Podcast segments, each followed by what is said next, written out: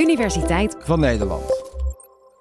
Schattig hè, een baby. Maar er een op de wereld zetten gaat niet zonder zorgen. Er kleven zelfs meer risico's aan dan we lange tijd dachten. Nou ja, we hebben in Nederland jaarlijks 170.000 bevallingen ongeveer, waarvan 5 tot 10 procent gecompliceerd raakt door een zwangerschapsvergiftiging. Dan hebben we het over ongeveer 10.000 vrouwen. Hoe kan een zwangerschap je hart vergiftigen? De vraag komt dit keer van influencer Sophie Oesri. Zelf een aantal maanden geleden moeder geworden van een dochtertje. En zoals een echte influencer dat doet, vlogde ze natuurlijk met regelmaat over haar zwangerschap. Hoi allemaal, mijn naam is Sophia. Leuk jullie kijken naar de derde trimestervlog. Ik kan niet stoppen met denken aan schoonmaakschuim. Ik ben nu iedere avond de wc gaan poetsen, zodat ik aan het schoonmaakmiddel kan ruiken. Hoi, ik ben Sophie Oesri. Zwanger zijn is ook best wel spannend en soms ook een beetje eng. Je groeit natuurlijk een heel mens in je buik. En bij alle dingen die je voelt, ging ik in ieder geval de hele tijd googelen. En dan kom je best wel enge dingen tegen. Zoals bijvoorbeeld een zwangerschapsvergiftiging. Maar hoe kan een zwangerschap je eigenlijk vergiftigen? Wij zijn de Universiteit van Nederland. En samen met Sophie Oesri gaan wij langs bij artsonderzoeker Shahinda Gossijn in het Maastricht UMC. Hallo. Hallo. Sophie. Daar. Kom verder. Shahinda is zelf moeder van twee kleine kinderen en zet zich al jaren in voor de gezondheid van vrouwen voor, tijdens en ook na de zwangerschap. De zwangerschap is topsport. Dat is echt niet, niet te onderschatten wat er allemaal in het lichaam van een vrouw gebeurt tijdens die zwangerschap. Hoe een zwangerschap precies je lijf kan vergiftigen, leggen we je zo uit tot in de kleinste vaatjes. Maar even in het kort. Bij een zwangerschapsvergiftiging werkt je lichaam eigenlijk te hard. Je moet zwangerschapsvergiftiging niet vergelijken met de andere zwangerschapskwaaltjes, zoals misselijkheid of maagzuur. Het is, het is wel iets ernstigs. Wanneer uh, het plaatsvindt, gaan ook alle alarmbellen aan. Vroeger overleed er met regelmaat een vrouw aan zwangerschapsvergiftiging. Nu is de zorg veel beter en gebeurt dat, zeker in westerse landen, zelden. Alles goed toch? Nou, niet helemaal. Vroeger dachten we dat zwangerschapsvergiftiging genezen was op het moment dat het kind en de placenta bevallen zijn, maar niks lijkt minder waar. Want de afgelopen jaren hebben we met een heleboel studies aangetoond dat uh, deze vrouwen nog onderliggend blijvend ziek kunnen zijn. Vrouwen na zwangerschapsvergiftiging hebben een tot wel acht keer verhoogd risico op het ontwikkelen van een hartinfarct of herseninfarct. Een probleem waarvan we eerst dachten dat het opgelost was, blijkt nu toch opnieuw de kop op te steken. En daarom is nieuw onderzoek nodig naar zwangerschapsvergiftiging. Zwangerschapsvergiftiging zorgt voor schade aan je organen en heeft lange termijn consequenties voor zowel hart, brein, bloedvaten en een heleboel andere organen. Maar wat houdt het nou precies in, zwangerschapsvergiftiging? De uitleg begint bij het ingenieuze systeem van leven creëren. Je haar gaat sneller groeien, wordt dikker, gaat meer glimmen. maar je krijgt ook trekkende, bizarste dingen. Ik zelf, ik, ik ben echt de Limburgse, dus ik hou sowieso wel van lekker eten. Nou ja, doe dat in het kwadraat in mijn zwangerschap en dan een, een extra portie erbij. Maar er gebeurt ook veel in je lijf waar je niet direct iets van merkt. Om dat te laten zien, ondergaat Sophie allerlei testen. Uh, wat we zo gaan doen, je mag je bovenlijf ontbloten. En dan uh, ga ik een hartecho uh, bij je maken. Testen die Shahinda normaal met zwangere vrouwen doet. Maar als je net bevallen bent, zoals Sophie, laten ze nog allerlei veranderingen zien in het lijf. In feite is elk orgaan, elke cel in je lichaam is zwanger. Je lichaam denkt, ik word zwanger, ik moet harder gaan werken.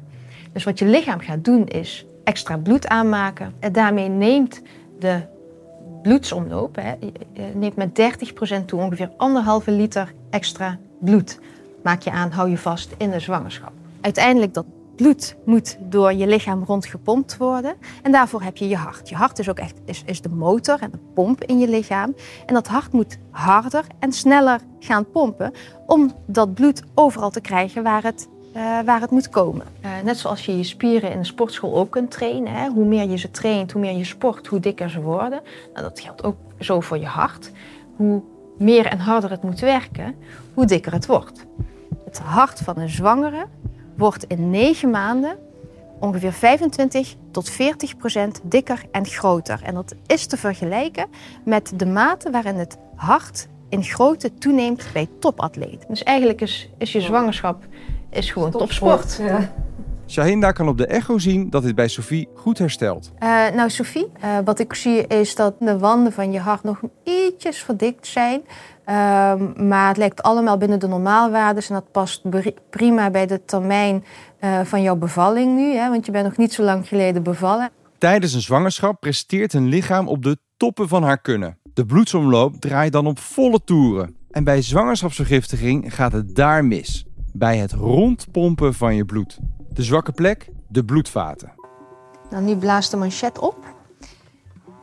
En dan uh, wordt je bloeddruk gemeten. Die bloedvaten moeten tijdens de zwangerschap ineens in plaats van 4,5 liter bloed 6 liter door het lichaam vervoeren. En dus moeten ze in topshape zijn. De gezondheid van de bloedvaten kan Shahinda checken door middel van de bloeddruk. En je bloeddruk is een, uh, een van de belangrijkste maten om ons iets te vertellen over hoe gezond je vaten zijn. Hoe soepel het bloed door je vaten stroomt, dat bepaalt je bloeddruk. Alle systemen in je lichaam zijn erop ingesteld om dit gelijk te houden, om je bloeddruk gelijk te houden. Dus als je meer bloed gaat aanmaken, um, gaat je lichaam ervoor zorgen dat je bloeddruk gelijk moet gaan blijven. Dus dat wil zeggen dat je bloedvaten gaan uitzetten. Dus ondanks dat je meer bloed aanmaakt en je hartspier groter wordt in de zwangerschap, blijft je bloeddruk gelijk of daalt misschien zelfs een paar punten. Nou, ik zie hier een prachtige bloeddruk van 109 boven 72. Mooier kun je gewoon niet wensen. Wanneer een vrouw zwangerschapsvergiftiging heeft, hè, dan, dan zien we al dat de bloeddruk vele malen hoger is. Waar bloedvaten bij een normale zwangerschap dus vaak wijder worden, gebeurt dit bij zwangerschapsvergiftiging niet. De bloedvaten blijven even groot en dus te nauw voor al het extra bloed. Dat kan er maar lastig doorheen. Je lichaam en met name ook je hart moeten al hard werken in een normale zwangerschap. Als het hart nog harder moet gaan werken doordat je bloeddruk omhoog gaat, dan zorgt dat ervoor dat je hartspier nog dikker en groter wordt.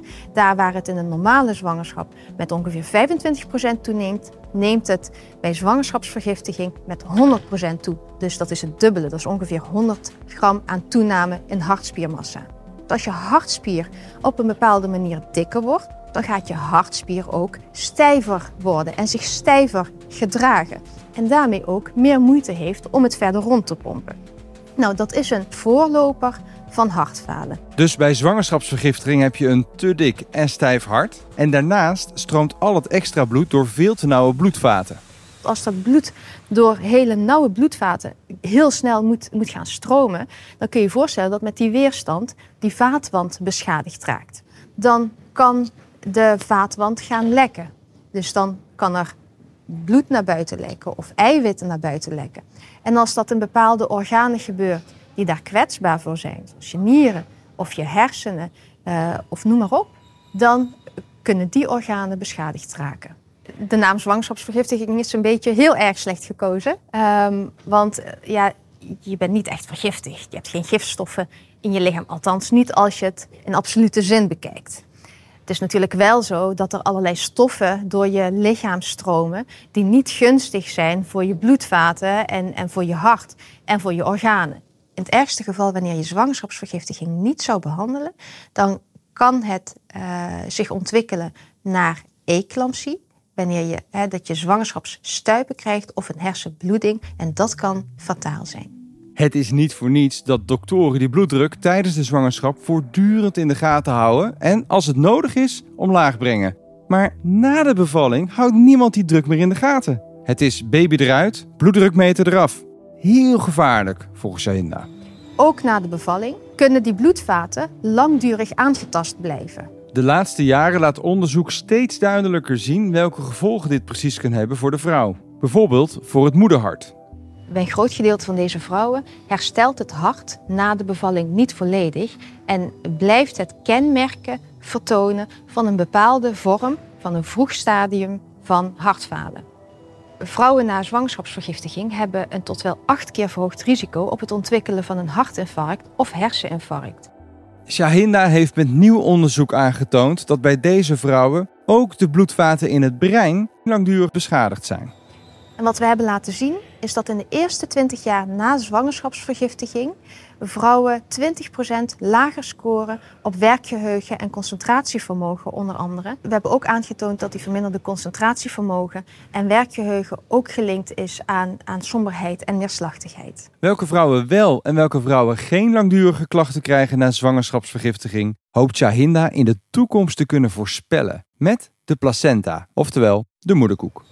Één van de belangrijkste organen die ons wat vertelt over het lichaam van de vrouw. En die je in de zwangerschap aanmaakt en bij de bevalling er gratis en voor niets bij krijgt. Dat is die moederkoek. Dat doen we tegenwoordig in de meeste gevallen. Je maakt er een foto van en je gooit het weg. Zo zonde, want die placenta herbergt een berg aan biologische informatie over het lichaam van de vrouw.